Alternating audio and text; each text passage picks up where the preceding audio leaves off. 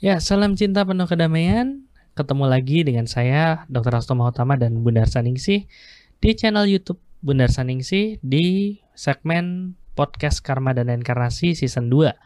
Sebelum mulai saya mau ngucapin selamat menunaikan ibadah puasa dan selamat berbuda eh, berbuka untuk teman-teman yang um, menjalankan ibadahnya dan kita akan bahas tentang proses puasa hari ini. Cuman sebelum mulai mungkin kita lihat dulu uh, trailernya ya.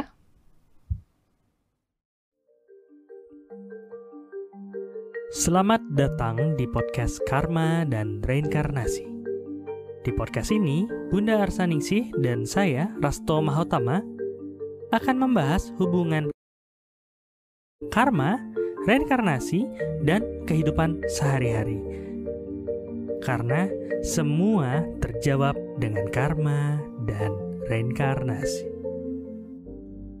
Oke, okay, ya kita mau ngomongin tentang proses puasa sekarang. Tapi nggak cuma puasa di umat muslim aja ya, karena proses puasa tuh ternyata luas banget dan kita coba untuk bahas bagaimana proses puasa dengan proses batin. Cuman sebelumnya saya mau ngucapin terima kasih ke teman-teman yang udah ngelakuin proses donasi karena uh, kita juga bisa ngelakuin podcast ini nggak berbayar karena ada teman-teman yang donasi juga dan uh, memang nggak ada di pengharusan untuk donasi tapi kalau ada teman-teman yang donasi bilang proses pembelajaran mereka jauh lebih baik dan kalau ada teman-teman yang mau donasi harusnya tadi udah lewat ya rekeningnya bisa dilakukan di situ dan ya ngucapin terima kasih untuk teman-teman yang berdonasi.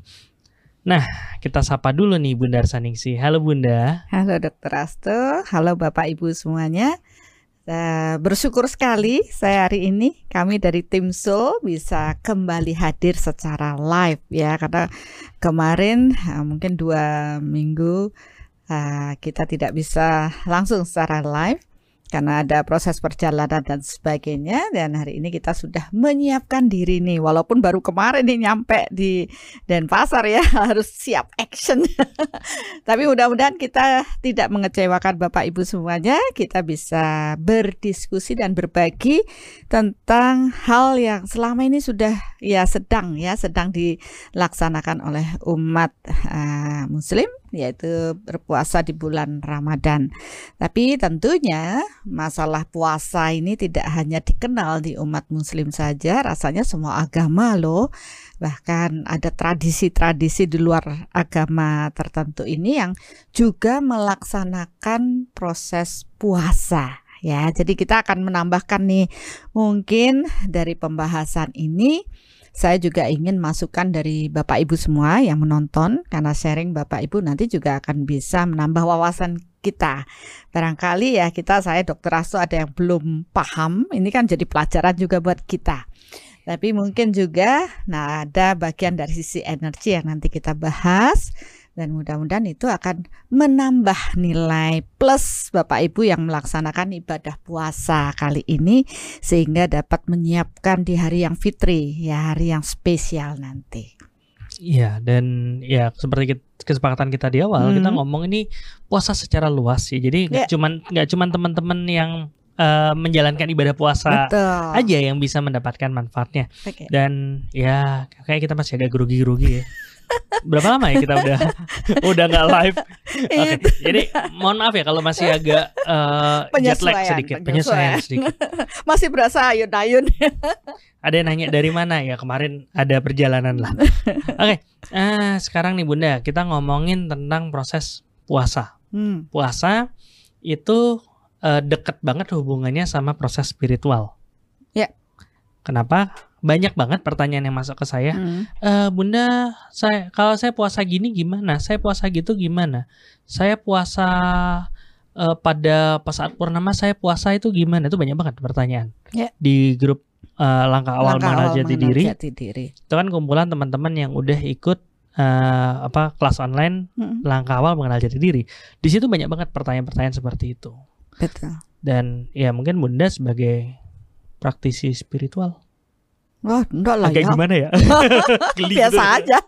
ya, Bunda sebagai yang lebih paham tentang proses uh, energi seperti itu, pernah hmm. ngikutin puasa?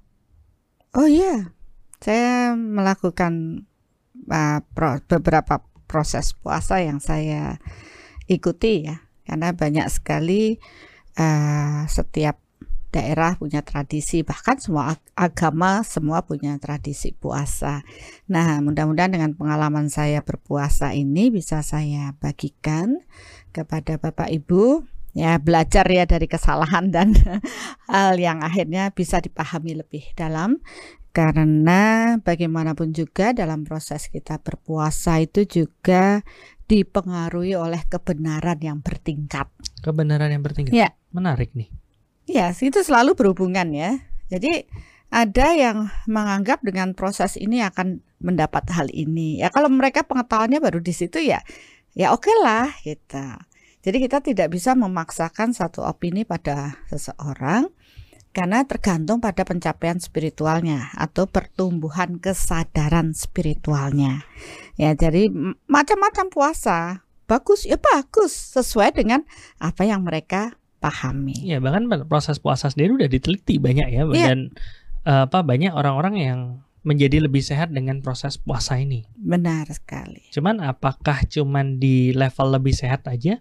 kalau ngomongin spiritual kan nggak cuman badan aja kan iya itu yang pengen saya tanyain Bunda. makanya kita angkat iya. puasa lahir dan batin, batin. oke okay, uh, eh, seperti biasa kita masuk ke definisi dulu ya, hmm, ya supaya hmm. kita nggak nggak melebar-lebar gitu benar oh, apa bahasannya saya sempat nyari bunda tentang bah uh, tentang apa sih puasa itu gitu hmm. kalau kalau kita ngelihat kan puasa itu apa sih puasa nggak makan nggak minum sesimpel itu gitu kalau hmm. kalau yang muncul pertama di kepala waktu dengar hmm. bahas uh, omongan puasa. Ya. Saya coba cari di Kamus Besar Bahasa Indonesia, puasa itu dibilang ada dua ada dua uh, definisi menurut KBBI. Yang pertama adalah menghindari makan dan minum dengan sengaja, terutama ini berhubungan dengan proses agama tertentu mm -hmm. atau kepercayaan tertentu. Yang kedua adalah salah satu rukun Islam. Tapi kita kan nggak ngomongin yang itu ya. Yeah. Kita ngomong dalam proses puasa adalah menghindari makanan dan minuman dengan sengaja, terutama berhubungan dengan uh, kepercayaan masing-masing. Karena ya seperti Bunda tadi bilang, puasa nggak cuma dilakukan oleh umat Islam Muslim aja. aja ya. Di Hindu ada puasa. Ada. Di Buddha ada puasa. Ada. Kristen, Katolik Kristen ada. ada. Bahkan kejawen ada. ada. Ya. ya. Tempat-tempat lain juga ada. Benar dan uh, menurut saya ya puasa itu adalah sesuatu yang universal yang tidak terkotak itu dan dia. hanya dimiliki oleh satu uh, kelompok saja. Walaupun secara apa hmm? secara apa ya aturan mainnya mungkin agak beda-beda. Beda-beda ya, itu kan kesepakatan mereka saja, ya. Oke. Nah, sekarang kenapa sih puasa itu uh, sampai itu dilakukan oleh banyak banyak uh, uh, banyak agama, banyak kepercayaan segala macam itu adalah suatu universal. Hmm. Kenapa sih semua melakukan hal seperti itu Bunda gitu? Iya, kalau itu mau dibahas mungkin eh, Dokter Atsu bisa bahas upawasa dulu. Oke. Okay. Ya, karena uh, kita coba nyari dari akar katanya -hmm. ya Bunda ya. -hmm. Kalau di uh, puasa memang kalau dicari akar katanya itu sebenarnya dari bahasa Sangsekerta. -hmm. Dari bahasa Sangsekerta upawase. Hmm. Upa itu artinya mendekatkan.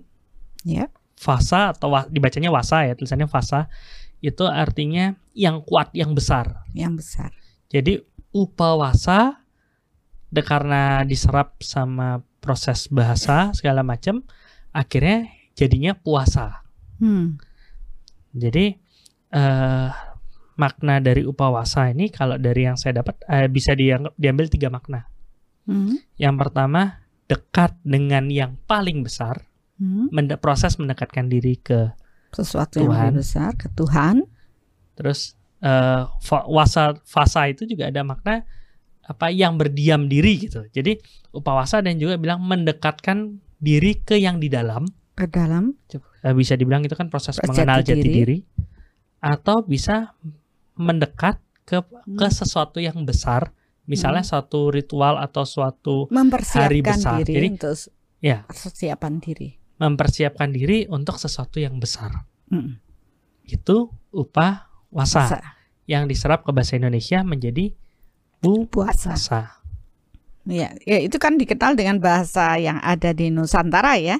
Sedangkan di tradisi-tradisi uh, tertentu ya ada uh, masalah ya seperti saum atau apa yang namanya masing-masing ya bahasa-bahasa yang mereka gunakan untuk proses menyiapkan diri ini. Ada berpantang ya dengan uh, berpantang bisa pantang dengan makanan ya. Padanya makan pada jam-jam tertentu kemudian ada berpantang nafsu ya. Nah, misalkan saya puasa tidak makan daging ya pada ya, puasa bisa. cuman makan makanan warna tertentu ya, itu ada. bisa. Hanya buah saja ya berpuasa ber puasa dengan menyiapkan hari lahir saya. Mau mau wetonan nih saya puasa. Jadi menyiapkan untuk uh, sesuatu yang lebih besar. Sesuatu yang lebih besar. Hari yang ada yang puasa mau menikah nih. Oh saya puasa dulu tirakat kan gitu me, me, apa membersihkan dulu kemudian nanti pada hari H itu supaya lebih cantik atau lebih berwibawa atau apa ya banyak banyak prosesnya. Ya. Nah di sini ya kita ambil dari sisi uh, secara sudut pandang energi ya Dokter Astu, Bapak Ibu semuanya apa sih yang terjadi ketika seseorang itu uh, berpuasa sebenarnya dan kenapa kita mengangkat tema puasa lahir dan batin ya. Jadi kita sudah tahu ya itu prosesnya adalah mempersiapkan untuk sesuatu yang lebih besar. Jadi ya. uh, satu pemahaman untuk mempersiapkan diri akan sesuatu yang lebih besar, mm -hmm. sekaligus mendekatkan diri dengan beliau ke yang dalam. terbesar yeah. dengan melihat ke dalam. Mm -hmm. Itu begitu waktu diserap oleh uh, bahasa Indonesia, mungkin artinya jadi agak agak menyempit dengan dia menghindari makan dan minum ya padahal sebenarnya lebih daripada itu. Sebenarnya lebih daripada itu ya. Kembali pada tadi kebenaran bertingkat tadi ya. Saya tidak bisa menjedek harus sama tidak. Karena kan semua dalam proses terlahir ini semua bertumbuh sesuai dengan kesadaran kan. Nah, mereka yang baru pada proses pemahaman puasa itu pembatasan makan dan minum ya enggak apa-apa itu bagus untuk sarana latihan spiritual ya. Orang mengatakan oh kalau orang spiritual itu harus ngelaku menjalani uh, ritual atau apa bertapa puasa. Ya itu sebenarnya lebih banyak uh, intinya itu adalah masuk ke dalam lebih mengenal jati dirinya. Ya mempunyai waktu untuk hening untuk menyiapkan diri untuk bertemu sesuatu yang lebih besar. Ya makanya banyak puasa di bulan Ramadan untuk uh, mencapai hari yang fitri. Puasa prapaskah untuk persiapan paskah ya. Bahkan nyepi juga demikian atau uh, puasa di bulan purnama tilem ya itu juga terjadi. Jadi ya semua sebenarnya memberikan waktu pada kesadaran yang di dalam. Jadi proses batiniah ini untuk dapat uh, lebih terhubung dengan kesadaran yang lebih besar yaitu Tuhan sendiri menyiapkan diri untuk proses uh, ya menghadap atau menyongsong hari yang luar biasa. Sebenarnya kalau bisa kan tidak hanya saat tertentu kita paham makna puasa itu dan kita bisa menerapkan dalam keseharian kita. Oke. Nah, terus dari situ tuh uh, tadi kan udah ngomong nih, oh banyak orang yang melakukan proses puasa untuk hmm. persiapan hari-hari hmm. tertentu. Ada yang bilang puasa pada saat bulan purnama, puasa hmm. pada saat bulan apa? Bulan mati, yeah. puasa pada saat wetonnya dia. Yeah. Saya jadi penasaran nih. Hmm. Ada bedanya nggak sih puasa di hari biasa sama di hari luar biasa gitu? Iya, uh, sebenarnya kalau dilihat dari proses itu ada sih beda berbeda sebenarnya kalau dibedakan itu tergantung pada proses energi hari-hari tersebut ya. Uh, tapi mungkin sebelum ke sana saya akan ajak dulu karena masalah energi itu masalah yang paling uh, terakhir ya nanti dibahas. Kita akan bedakan dulu uh, dengan proses puasa ini. Kenapa saya mengangkat tema kali ini adalah puasa lahir dan batin. Karena banyak sekali orang uh, saat ini sedang um, lebih fokus pada proses puasa secara lahiriah Ya, mereka membatasi ya seperti bulan Ramadan ini uh, dengan uh, puasa, berpuasa sahur di pagi hari, kemudian uh, mulai buka di uh, malam menjelang ya di peralihan waktu ini dan berpantang sepanjang siang. Dan mereka menjalaninya karena memang ini suatu yang menjadi sudah tradisi. Sebenarnya adalah mempersiapkan untuk menyongsong hari yang fitri, hari Idul Fitri yang uh, sangat luar biasa ini. Jadi mereka mempersiapkan diri dengan proses puasa. Tapi banyak sekali uh, banyak orang baru memaknai ini secara puasa secara lahir ya dengan tubuh fisiknya. Ya, ini lahir kan secara berfisik nih. Akan terlihat dengan puasa itu membatasi pola makan makannya. Hanya uh, dari sahur sampai buka ini itu tidak boleh uh, makan minum. Ya, itu fisiknya yang yang uh, berpuasa.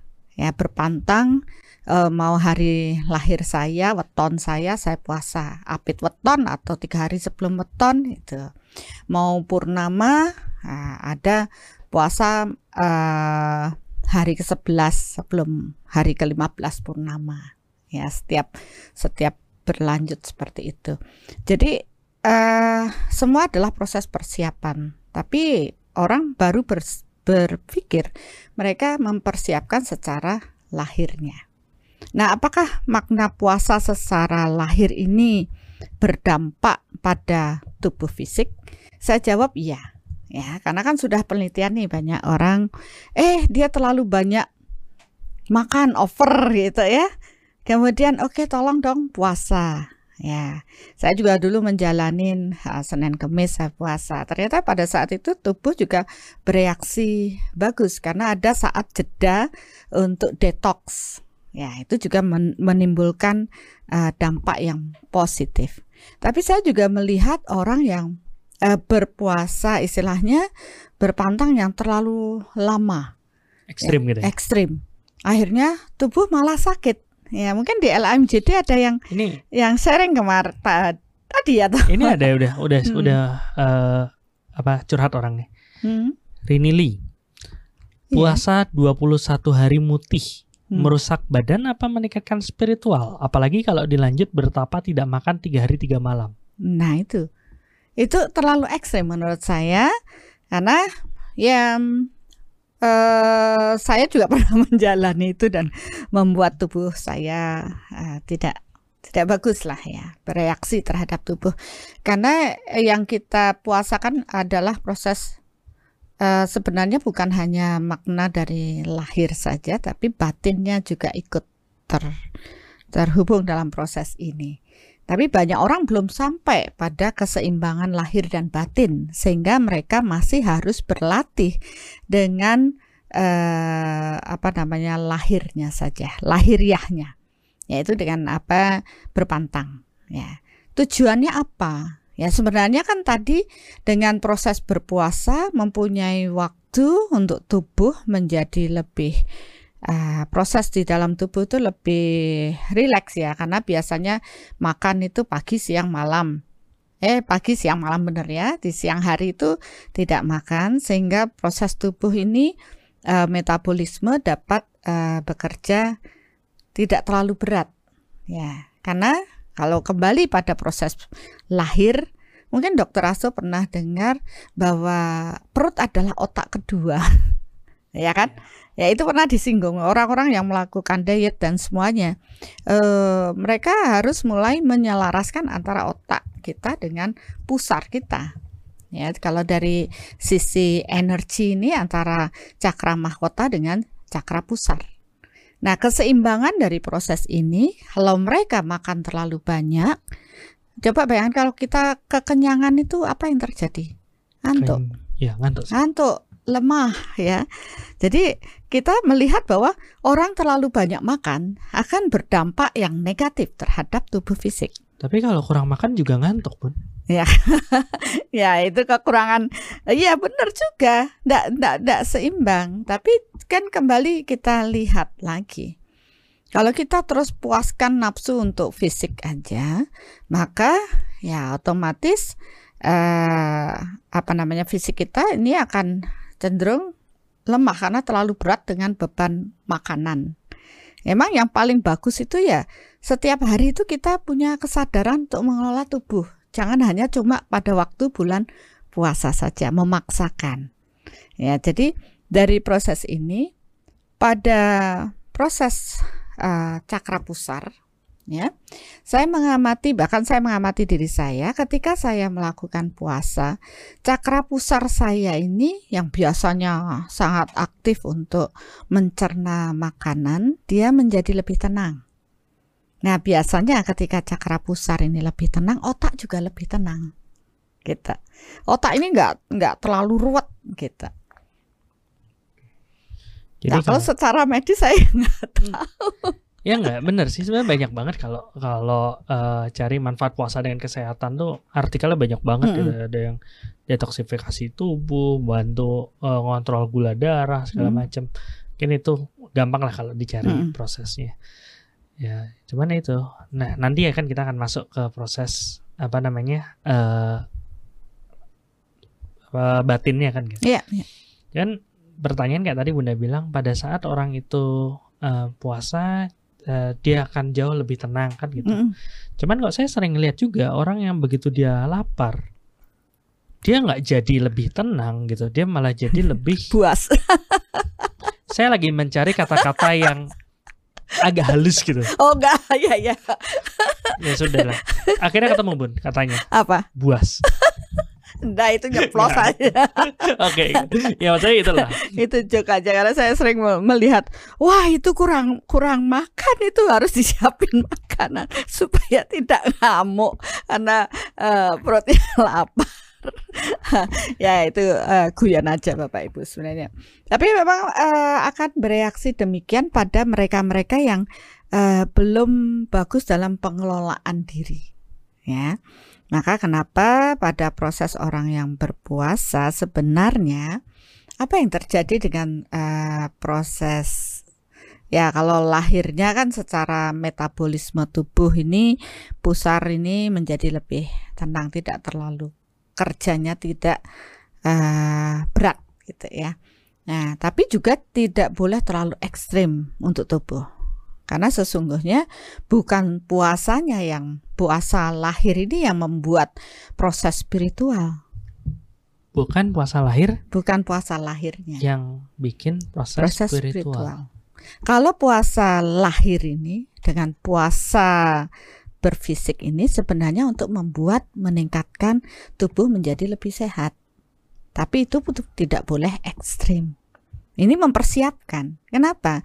Balance-nya antara otak kita dengan pusar kita, ya cakranya balance itu membuat orang lebih kalem, lebih tenang secara otak kita nggak ruwet gitu. Ya, tapi itu perlu latihan. Kalau cuma sekali aja ya enggak berarti dia. Jadi kenapa pada jangka waktu ini biasanya butuh beberapa hari untuk berpuasa hingga mendapatkan manfaat bagi tubuh. Ya, jadi itu itu bagus uh, dilakukan. Tapi dalam kondisi tubuh sakit ya jangan dipaksa. Ini kan proses untuk melatih uh, tubuh ya.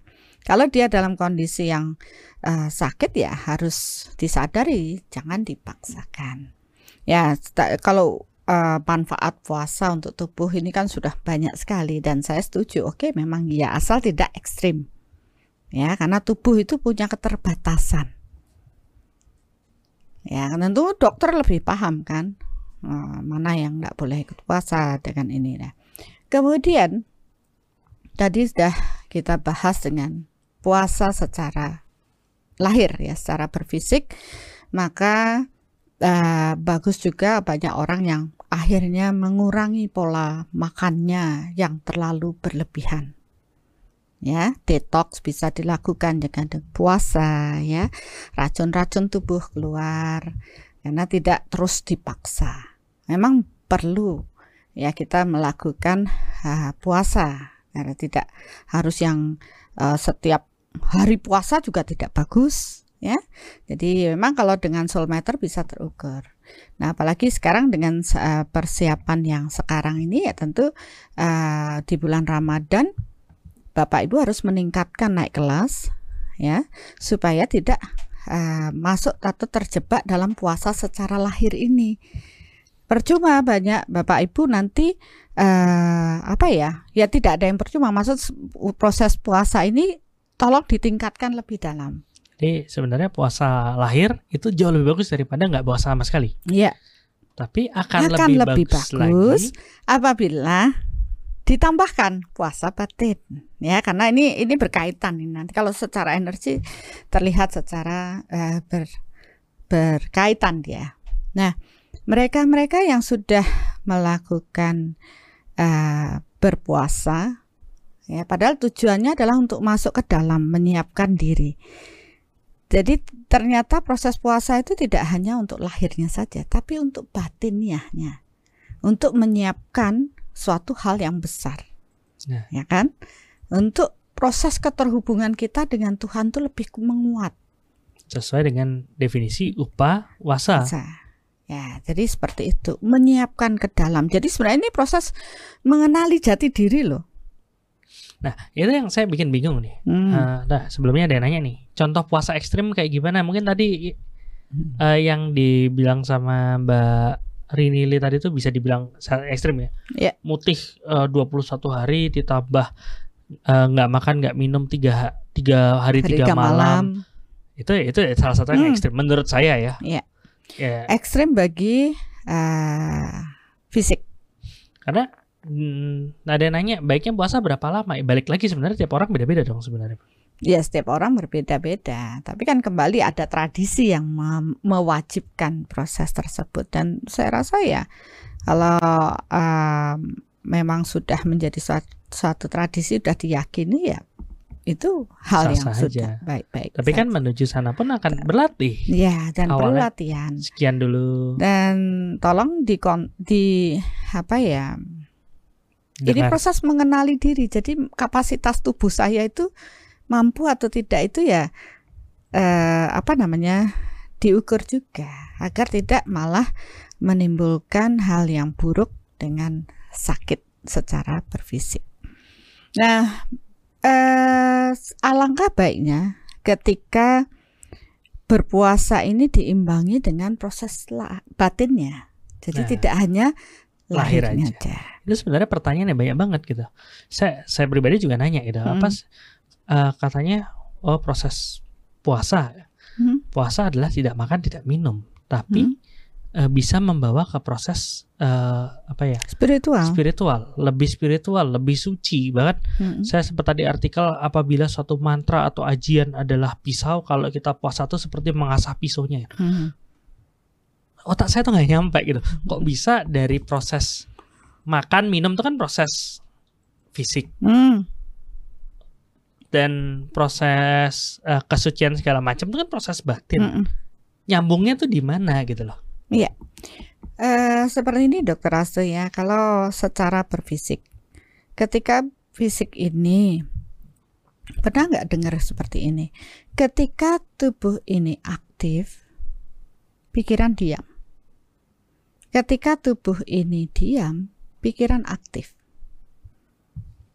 Ketika tubuh aktif, ketika tubuh aktif, pikiran, pikiran diam. diam. Ketika ketika pikiran eh ketika tubuh diam, ketika diam, pikiran aktif. Okay. Nah, ini ini ini pasti akan terjadi. Ya kan? Coba nih contohnya.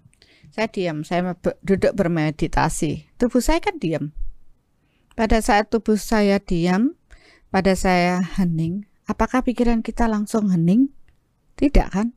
Mesti muncul loncat, loncat, loncat, loncat, loncat ini pikiran ini kepikiran semua ruwet. Ya kan? Ya. Itu karena tubuh kita diam, pikiran tuh ak lebih aktif. Tapi ketika kita beraktivitas, ya oh kerjain ini ya mungkin ah bete saya oh, daripada ini saya bersih bersih saya punya masalah oh saya bersih bersih saya lupa sama pikirannya tuh nggak nggak jadi lebih aktif karena tubuh fisik kita bergerak ke mana-mana Ya itu prosesnya akan seperti itu. Maka dalam proses uh, apa namanya berpuasa ini imbangi dengan proses batinnya. Sehingga di sinilah nanti akan benar-benar muncul yang tadi mempersiapkan diri untuk terhubung dengan yang lebih besar. Jadi mau menjelang Idul Fitri, kita itu berpuasa tuh menyiapkan batin kita masuk ke dalam lahir dan batin kan gitu untuk masuk untuk diperkuat dengan uh, proses yang apa ya lebih dalam. Tidak hanya sekedar lahirnya saja. Nah bagaimana sekarang maksudnya dengan uh, berpuasa lahir dan batin ketika kita berpuasa untuk mengatur pola makan yang biasanya siang ada makan dan ini tubuh kita aktif. Sehingga pikiran kita tidak terlalu ruwet. Kan makanya kenapa kalau orang lapar ya dia sudah wah cari ini. Karena dia eh, ini sudah mulai aktif otaknya.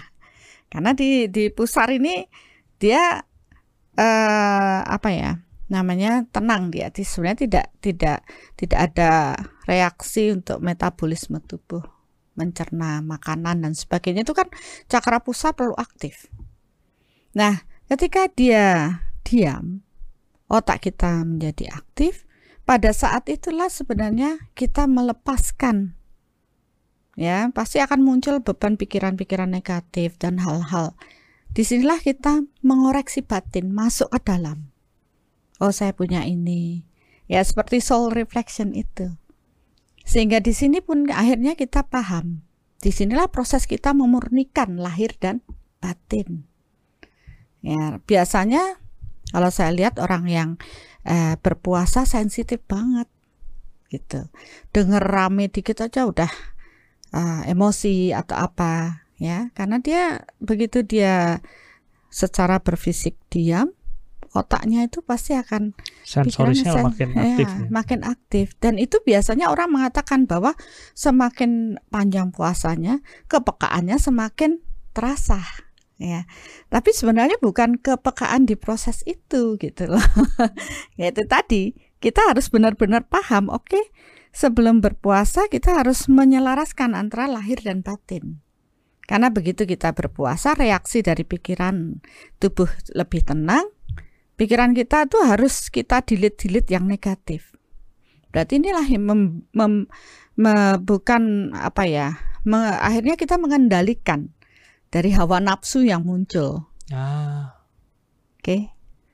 Bisa di kan ini kan hawa nafsunya akhirnya kan kepingin ini. Coba kita disuruh, oke okay, kamu puasa.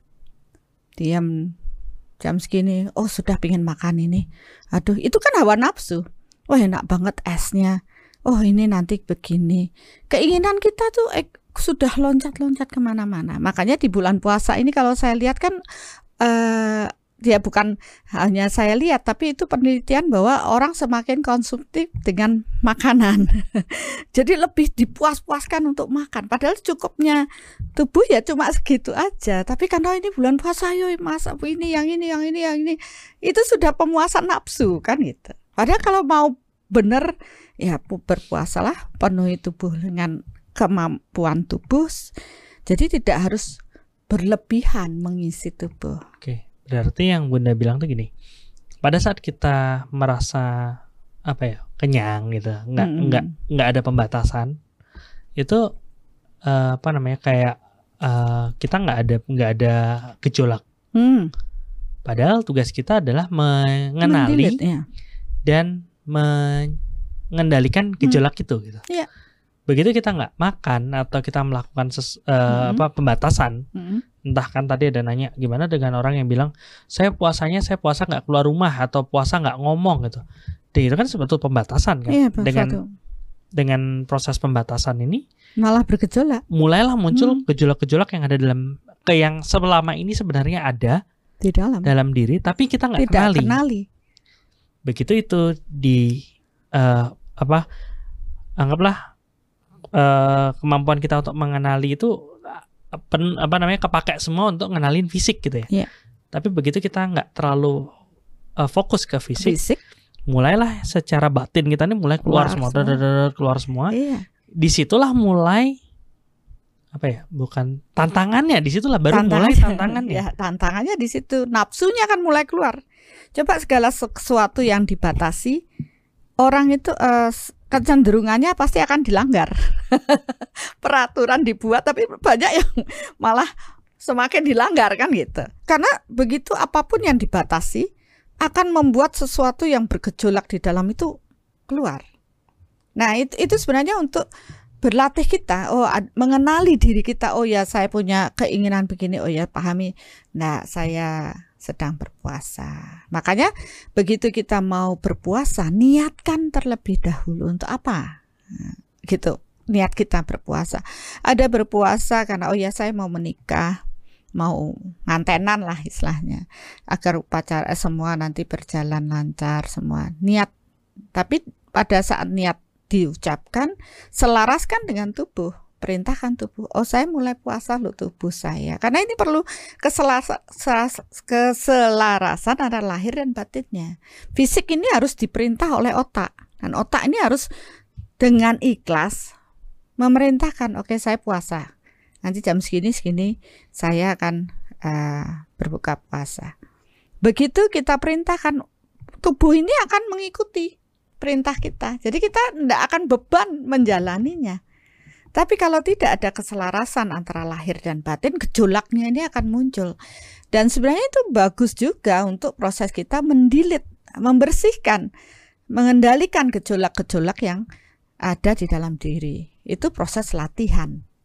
Ya, itu proses latihan kita. Kalau kita tidak pernah mencicil, membersihkan sedikit demi sedikit, maka ketenangan batin itu tidak akan didapat. Padahal untuk mencapai eh, sesuatu yang besar, hari yang besar ini perlu ketenangan batin ini. Nah, begitu fisiknya dirangsang dengan puasa, batin ini di, diselaraskan, gejolak-gejolak ini diselesaikan. Ya, jadi se- eh, itu sebenarnya. Jadi sebenarnya eh, mulai puasa itu hanya pada saat kita mulai berlatih lebih. Ya kalau, kal- sebenarnya kan begitu. Tapi kan banyak orang yang hanya sekedar suatu tradisi atau ritual saja dan akhirnya malah bukan suatu proses latihan. Buktinya ya eh, itu tadi pada saat eh, bulan eh, puasa ini malah konsum apa ya orang-orang semakin konsumtif dengan makanan. Akhirnya dia ingin memuaskan setelah berpuasa tidak makan ini ah nanti belum apa-apa saya sudah mikir nanti saya mau makan rendang makan ini nah itu kan akhirnya juga akan menjadi apa ya beban Pertanyaan saya nih, Bun. Hmm. Kalau berarti pada saat kita berpuasa kita kan meningkatkan tingkat kesulitan karena eh, yang selama ini biasa biasa, biasa, aja saja naik karena naik kita nggak nggak terlalu apa sedikit menonaktifkan tubuh fisik. Mm-mm. Lah kalau orang yang secara biasa-biasa saja masih sering ledak atau gimana, begitu kepuas begitu dia melakukan proses puasa, makin ini kan makin parah jadi ya karena itu kan harus di- dilanjutkan dengan eh, kesadaran. Ya kesadaran. Makanya orang kan sudah eh, diwanti-wanti ini oh masuk bulan Ramadan harus lebih eh, apa ya bertoleransi harus mawas diri kan sudah diberikan eh, apa ya aturan-aturannya gitu. Nah, tinggal kita yang menjalani. Apakah kita mampu memaknai itu lebih dalam, yaitu tadi bisa menyeimbangkan antara puasa lahir dan batin atau hanya pada proses batin eh, lahirnya aja. Ya, menurut saya yang lebih mudah dilakukan ya berlatihlah secara lahir dulu. Karena di situ akan merasakan nih gejolaknya. Eh, biasa mengendalikan dulu, tapi setelah itu tingkatkan dengan batinnya yaitu bagaimana kita tidak sekedar secara lahir tapi begitu kita punya waktu masuk ke dalam diri kenali jati diri kita ada apa emosi apa yang muncul cepat diselesaikan ya olah rasa itu akan di lebih terasa ketika fisik di apa ya dikendalikan kan, di, disuruh diam, Iya. maka secara batin ini proses kita membersihkannya. Ini menarik bun. Eh, apa? Tadi yang saya saat sempat baca, tapi saya nggak sempat. Awalnya saya pikir bukan sesuatu yang penting, jadi saya nggak sebutin tadi. Katanya di bahasa Jawa kuno, Jawa kuno Hmm, itu ada kata pasa, P A S A, Pasal. Ya. artinya perangkap kerangkeng jerat.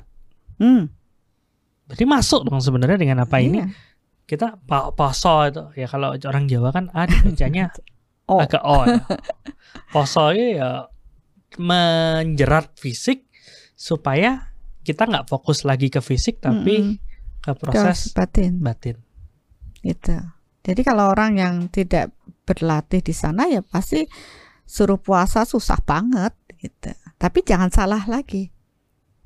Eh banyak orang berpuasa secara berfisik tapi mereka tidak melibatkan proses batinnya. Kan gitu. Ya eh, ikut aja gitu.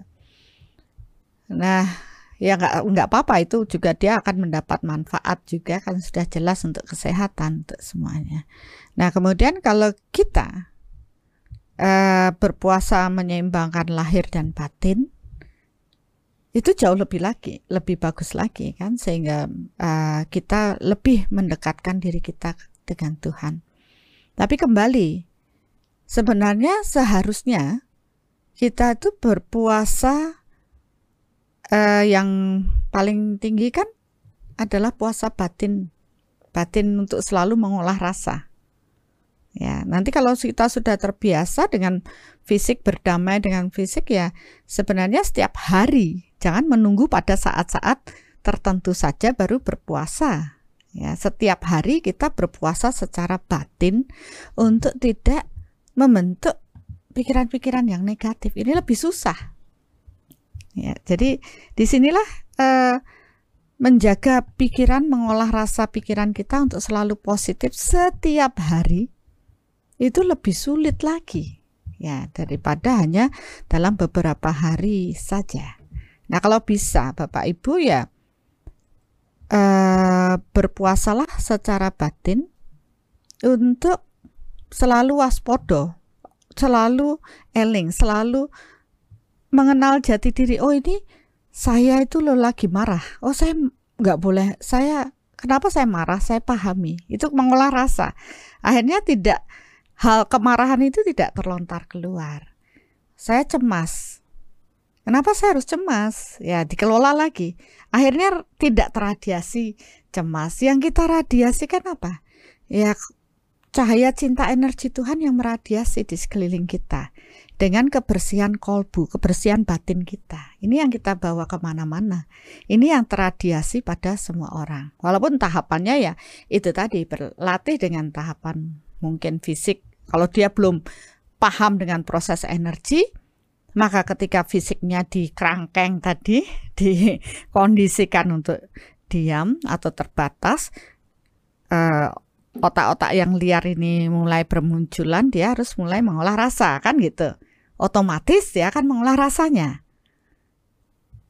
Paham ya dokter Raso ya? Mungkin Bapak Ibu juga seperti itu. Nah, kalau dia nanti sudah berlatih lagi, puisik ini tidak harus di kerangkeng, Nggak harus dikerangkeng. nggak harus dikerangkeng, dia sudah mengolah rasa gitu loh. Ini naik kelas dia. Jadi Nah, levelnya, iya, maksudnya le- satu level lebih tinggi lagi berarti. Mm-mm. Nah ini per- proses mengolah rasa atau mengolah rasa, mengenali diri kita. Ini kan untuk menyiapkan untuk kita bertemu dengan kekuatan Tuhan. Karena eh, Tuhan itu dapat hadir dalam diri kita ketika di dalam diri itu ada kebersihan batin kita. Nah di sini kenapa eh, proses menyambut hari Idul Fitri atau Paskah atau hari-hari sesuai agama masing-masing itu kan menyiapkan di hari suci itu supaya kita mempunyai ruang bagi kekuatan Tuhan hadir di dalam diri kita. Nah mereka menyiapkan di saat-saat itu saja. Nah kalau bisa, kenapa nggak setiap hari kita menyiapkan ruang untuk kekuatan Tuhan dengan proses batin ini?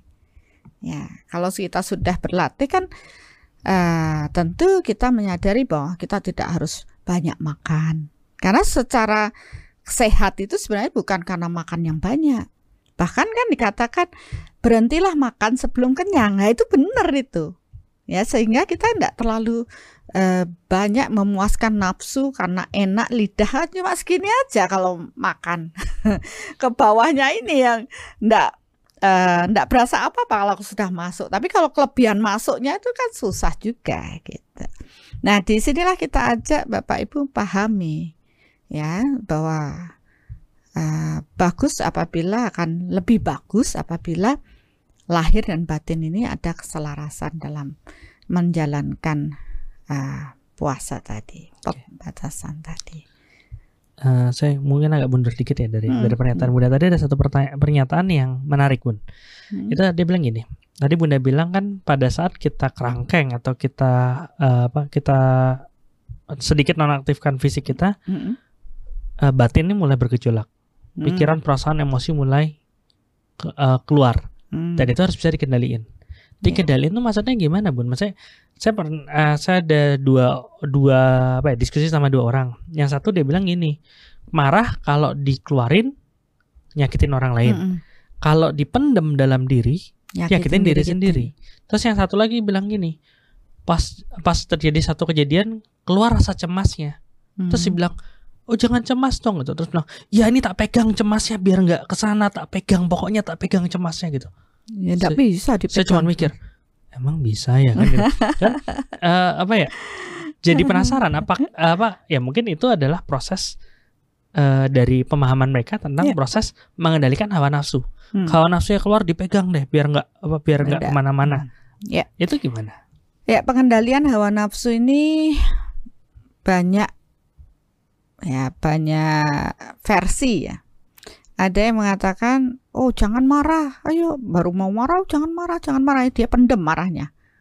Ya, itu mengendalikan katanya. Kalau saya eh, secara energi itu bukan mengendalikan karena marah itu masih berada di dalam diri. Ya, itu bukan mengendalikan. Belum. Kalau saya lebih banyak sebelum kita marah, apa reaksinya? Kita kita sudah berkesadaran. Ya oh iya kenapa saya marah? Ada masalah apa? Ini penyelesaian karma atau apa? Kan kita sadar dengan diri kita sehingga kita tidak mengirimkan energi kemarahan atau membiarkan diri saya penuh dengan energi kemarahan. Saya mengolah rasa saya saya berdamai dengan proses itu. Saya memenuhi diri dengan cahaya cinta energi Tuhan dan saya memancarkan cinta.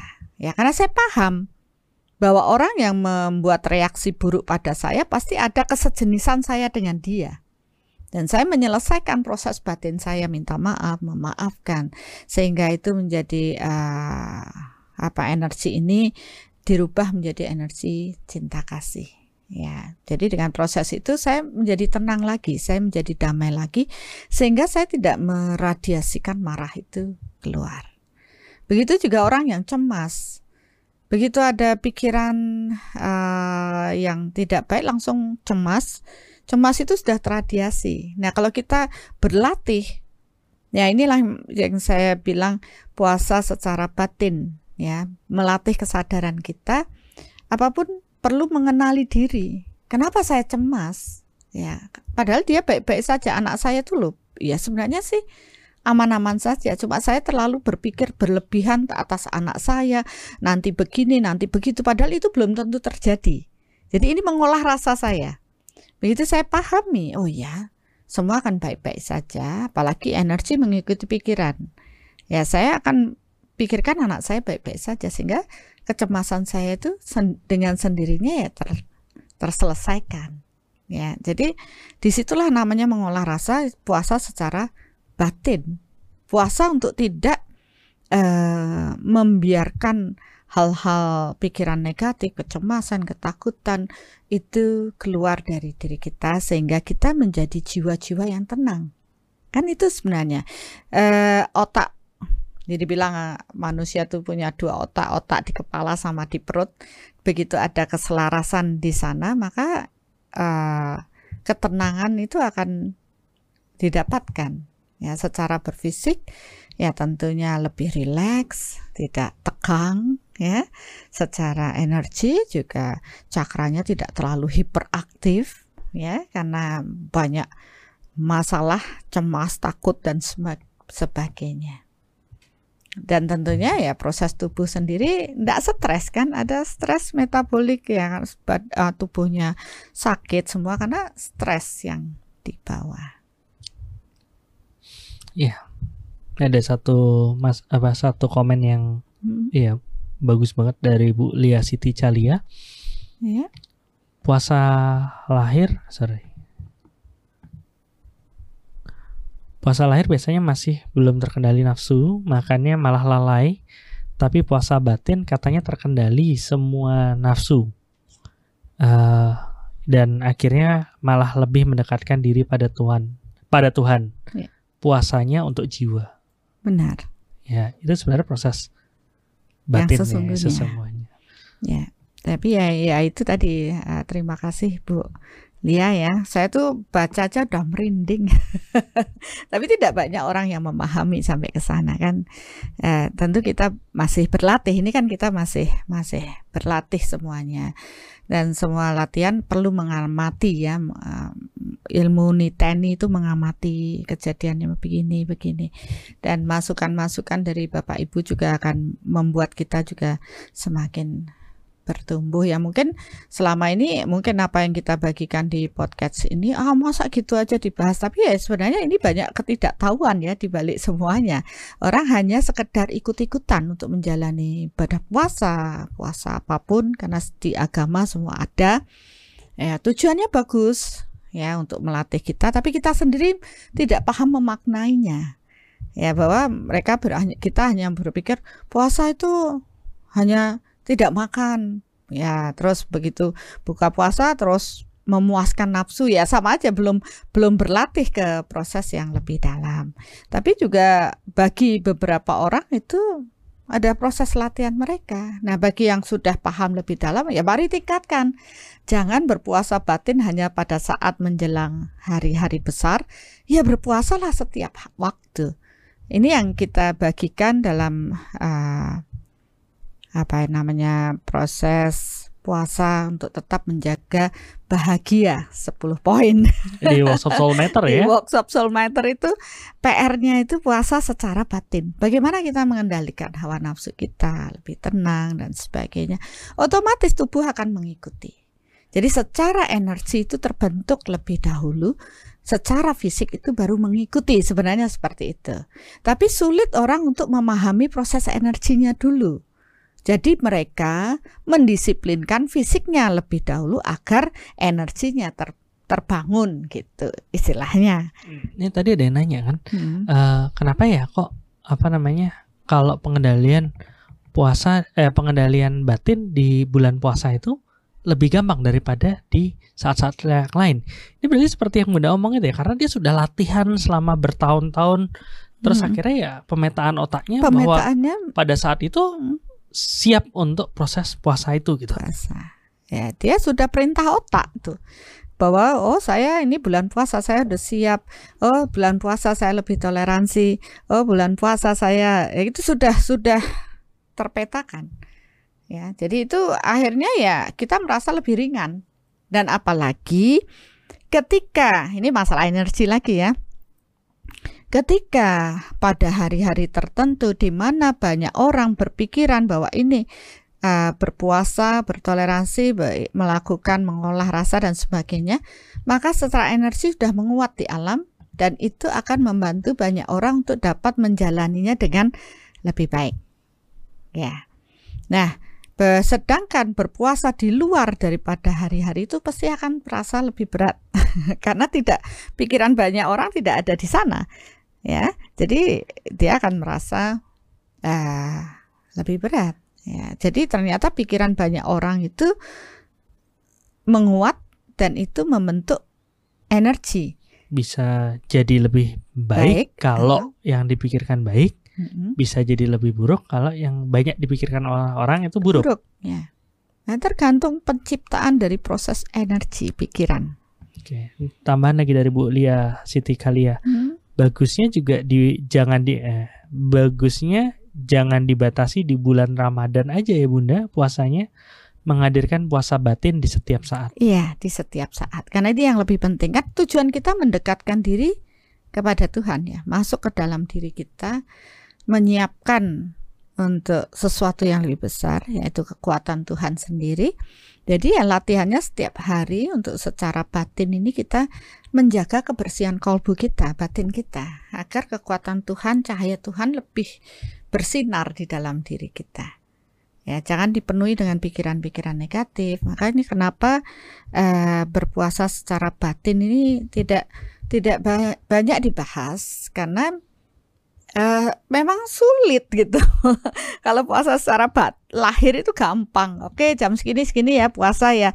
Habis itu kan tidak ada yang tidak ada lagi uh, aturan atau bagaimana. Nah, yang penting sudah buka ya sudah buka terus santai lagi. Nanti jam segini segini ya itu secara fisik mendisiplinkan. Tapi begitu kita ulas masalah lah secara batin banyak yang protes karena uh, satu hari untuk tidak berpikiran negatif itu rasanya susah sekali Bunda. Baru lihat dia aja saya sudah oh, emosi ya. ya ya itu latihan. Makanya kita di sini oh susah di, uh, belajar untuk bahagia 10 poin Ya, tapi kalau kita tidak pernah berlatih, kapan kita akan menyiapkan ruang di dalam diri kita untuk kekuatan Tuhan bersemayam di dalam diri kita? Ya, tidak. Jadi kalau bisa ya setiap hari kita membatas eh, berpuasa secara batin walaupun secara lahir eh, tidak harus terus berpuasa karena kita harus perlu keseimbangan eh, dalam tubuh kita. Oke. Okay. Nah, intinya ya itu ya harus prosesnya bertingkat dari awalnya. Ya, kalau dari awalnya masih baru lahir aja lebih baik daripada nggak latihan sama ya, sekali. Daripada tidak kan supaya merasakan pada saat uh, berpuasa aduh keinginan saya begini gitu mana harus aktivitas kerja tetap harus dilakukan itu kan berat. Jadi kita harus menghargai orang yang melakukan ibadah puasa karena tidak mudah gitu. Tapi kalau sudah terlatih tingkatkan lagi. Tidak hanya cukup lahirnya batinnya. Karena tujuannya kan tubuh kita kalau kita sudah ya pemahaman di langkah awal mengenal jati diri bagi mereka yang sudah kan ada tubuh fisik dan tubuh energi, ada lahir, ada batin. Jadi uh, banyak orang baru orientasinya berfisik berfisik, padahal yang batiniah ini yang menentukan, ya. Jadi banyak mengatakan oh, fisik ini hanya ilusi. Jadi sejatinya ya energi tadi, batin ini yang sejati. Wajar sih banyak yang nggak ngomongin tentang salah batin karena ya kayak tadi Bunda bilang, ya bahkan tadi saya sempat uh, dengar salah satu hmm. pemuka agama bilang uh, puasa itu adalah proses pribadi hmm. karena uh, walaupun kamu ketemu kamu bawa buka puasa bareng seseorang mereka belum tentu beneran puasa kan gitu dia bilang hmm. karena uh, bisa jadi di dalam hatinya gimana atau curi-curi atau gimana kan itu. Tapi kan masih bisa dilihat kalau secara lahir kan itu. Kalau secara batin semua orang diem semua kelihatannya meditasi semua bisa aja yang satu mikirnya baik-baik. Ada satu mikirnya misuh-misuh. yang satu ternyata nggak mikir apa-apa ternyata tidur kan itu. ya itu makanya karena secara batin itu tidak terlihat ya. Tapi kalau kita yang belajar energi ya semua teradiasi malah itu yang sejatinya. Kalau secara berfisik itu bisa bikin-bikin aja gitu ya, bisa bohong-bohong, tapi secara batin itu tidak bisa uh, dibohongi. Ya itulah sejatinya di, di proses energi ini. Maka dari uh, kalau kita sudah mengalami laku, laku pertama adalah untuk fisik, untuk mendisiplinkan fisik dengan yaitu tadi puasa, mutih dan semuanya itu untuk untuk fisik. Habis setelah itu orang yang sudah lebih paham dia akan mendisiplinkan tidak fisiknya tapi batinnya. Dan semua kan perlu bertahap. Ya langkah baiknya ya kalau keselarasan keduanya. Ya tapi kalau kita nanti sudah paham secara energi ya kita bisa mengerti kok kenapa orang hanya makan uh, tidak makan pun bisa hidup ya. Karena sejatinya tubuh kita kan dari tubuh energi dan tubuh fisik. Sebenarnya untuk makanan fisik itu hanya 20% saja, 80% itu adalah tubuh energi. Jadi ketika mereka mampu mengelola proses energinya dengan baik, maka kebutuhan makan itu tidak menjadi sesuatu yang mutlak gitu. Yang kelola energi dengan bagus, maka kesehatan kita akan lebih uh, optimal. Ini sebenarnya ada pertanyaan sih Bun, cuman hmm. kayaknya kalau tak baca ini pertanyaannya akan jadinya panjang banget gitu. Hmm. Ada satu yang nanya, mungkin gak sih orang bilang kalau kita puasa itu uh, kalau kita menginginkan sesuatu kita puasa itu jadi lebih mungkin terpenuhi. Yang kedua nanya ada yang berpuasa setelah puasa itu malah jadi bisa melihat atau mendengar segala macam. Cuman uh, itu mungkin kalaupun dibahas nggak dibahas di yang sekarang deh Bun itu bisa panjang banget ini udah udah satu jam lebih kan gitu ya Iya iya. Mungkin nanti kita bahas lagi ya. Tergantung sih. Kalau teman-teman emang ngerasa itu menarik untuk dibahas, komen ya. Nggak jangan komen ini ya, jangan komen apa jangan live chat ya nanti komen di komennya jadi hmm. uh, kita bisa baca kalau live chat kan nanti kalau hilang ya apa kita harus nonton semuanya dulu hmm. tapi kalau misalnya di komentar kita bisa uh, baca dan ya kalau misalnya banyak yang memang peng merasa itu perlu dibahas ya mungkin nanti kita bahas. Iya benar sekali. Memang segala sesuatu sebenarnya semua penting sih. Pingin semua dibahas tapi ya waktu kita terbatas. Um, masukan Bapak Ibu akan kita diskusikan dan kita bagikan. Tapi ya saya juga cukup terkejut dengan proses ini. Tadinya ke mana maunya bahas. Jadinya kok jadi begini. Tapi ya mungkin ini adalah sesuatu yang penting buat kita pahami. Dan saya sangat bersyukur dengan pertanyaan Bapak Ibu. Saya juga bertumbuh. Ini perjalanan obrolan kita kali ini uh, menyimpang dari apa yang saya pikirkan. Tapi ya sudah lah namanya juga ngobrolin kan seperti itu. Ya ya, ya Mungkin itu suatu informasi yang memang kita butuhkan, itu saja. Jika Tuhan berkehendak pasti semuanya akan berjalan dengan baik dan ya saya juga cukup terharu dengan proses ini. Saya bersyukur kita mengangkat tema ini karena ini juga pelajaran buat saya. Mungkin Bapak Ibu nanya, loh Bunda ini jadi narasumber kok malah jadi pelajaran buat saya. Karena ini sesuatu yang gimana ya? Ya uh, menambah pengetahuan saya. Eh, proses yang apa ya semakin poin-poinnya semakin jelas, jelas dan ya. itu apa ya ya masukan buat kita juga kan gitu ya. Mm -hmm. oke. Okay. ya mungkin karena waktu ini udah udah nggak kerasa loh bun. Udah satu jam lebih nih bun. Oh iya ya. Ini kalau dilanjutin terus bisa sampai besok pagi bun. Iya benar. Ya mau uh, lanjut enggak ya, ya mungkin kayak uh, kalau misalnya terlalu panjang juga nanti nge, hmm, apa bosenin ya, ya? Apa namanya? Terlalu panjang malah nggak kenangkap gitu. Hmm. Kayak saya pikir mungkin inti dari proses yang tadi udah udah cukup padat dan jelas. Ya. Nanti kalau misalnya mau dibahas yang yang itu bisa di komen. Kalau misalnya banyak yang uh, minta untuk dibahas ya berarti itu penting ya kita akan bahas. Tapi kalau ternyata Benar. enggak karena pertemuan kita cuma seminggu sekali ya kita akan pilih uh, materi lain yang mungkin lebih penting gitu ya bun ya hmm. ya dan uh, saya ucapkan selamat menunaikan ibadah puasa pada Bapak Ibu yang uh, di bulan Ramadan ini menyiapkan diri tentunya udah uh, untuk menjalani pada puasa Mudah-mudahan dengan podcast ini puasa Bapak Ibu naik kelas ya lebih dalam lagi paham untuk tidak hanya uh, proses fisik saja tapi mulailah untuk juga berpuasa secara batin untuk tidak berpikiran negatif. Karena di hari yang luar biasa uh, gunakanlah untuk mengamati diri kan ini masuk ke dalam ya agar nanti di hari Idul Fitri kekuatan Tuhan benar-benar memasuki tubuh ya secara energi dalam batin Bapak Ibu.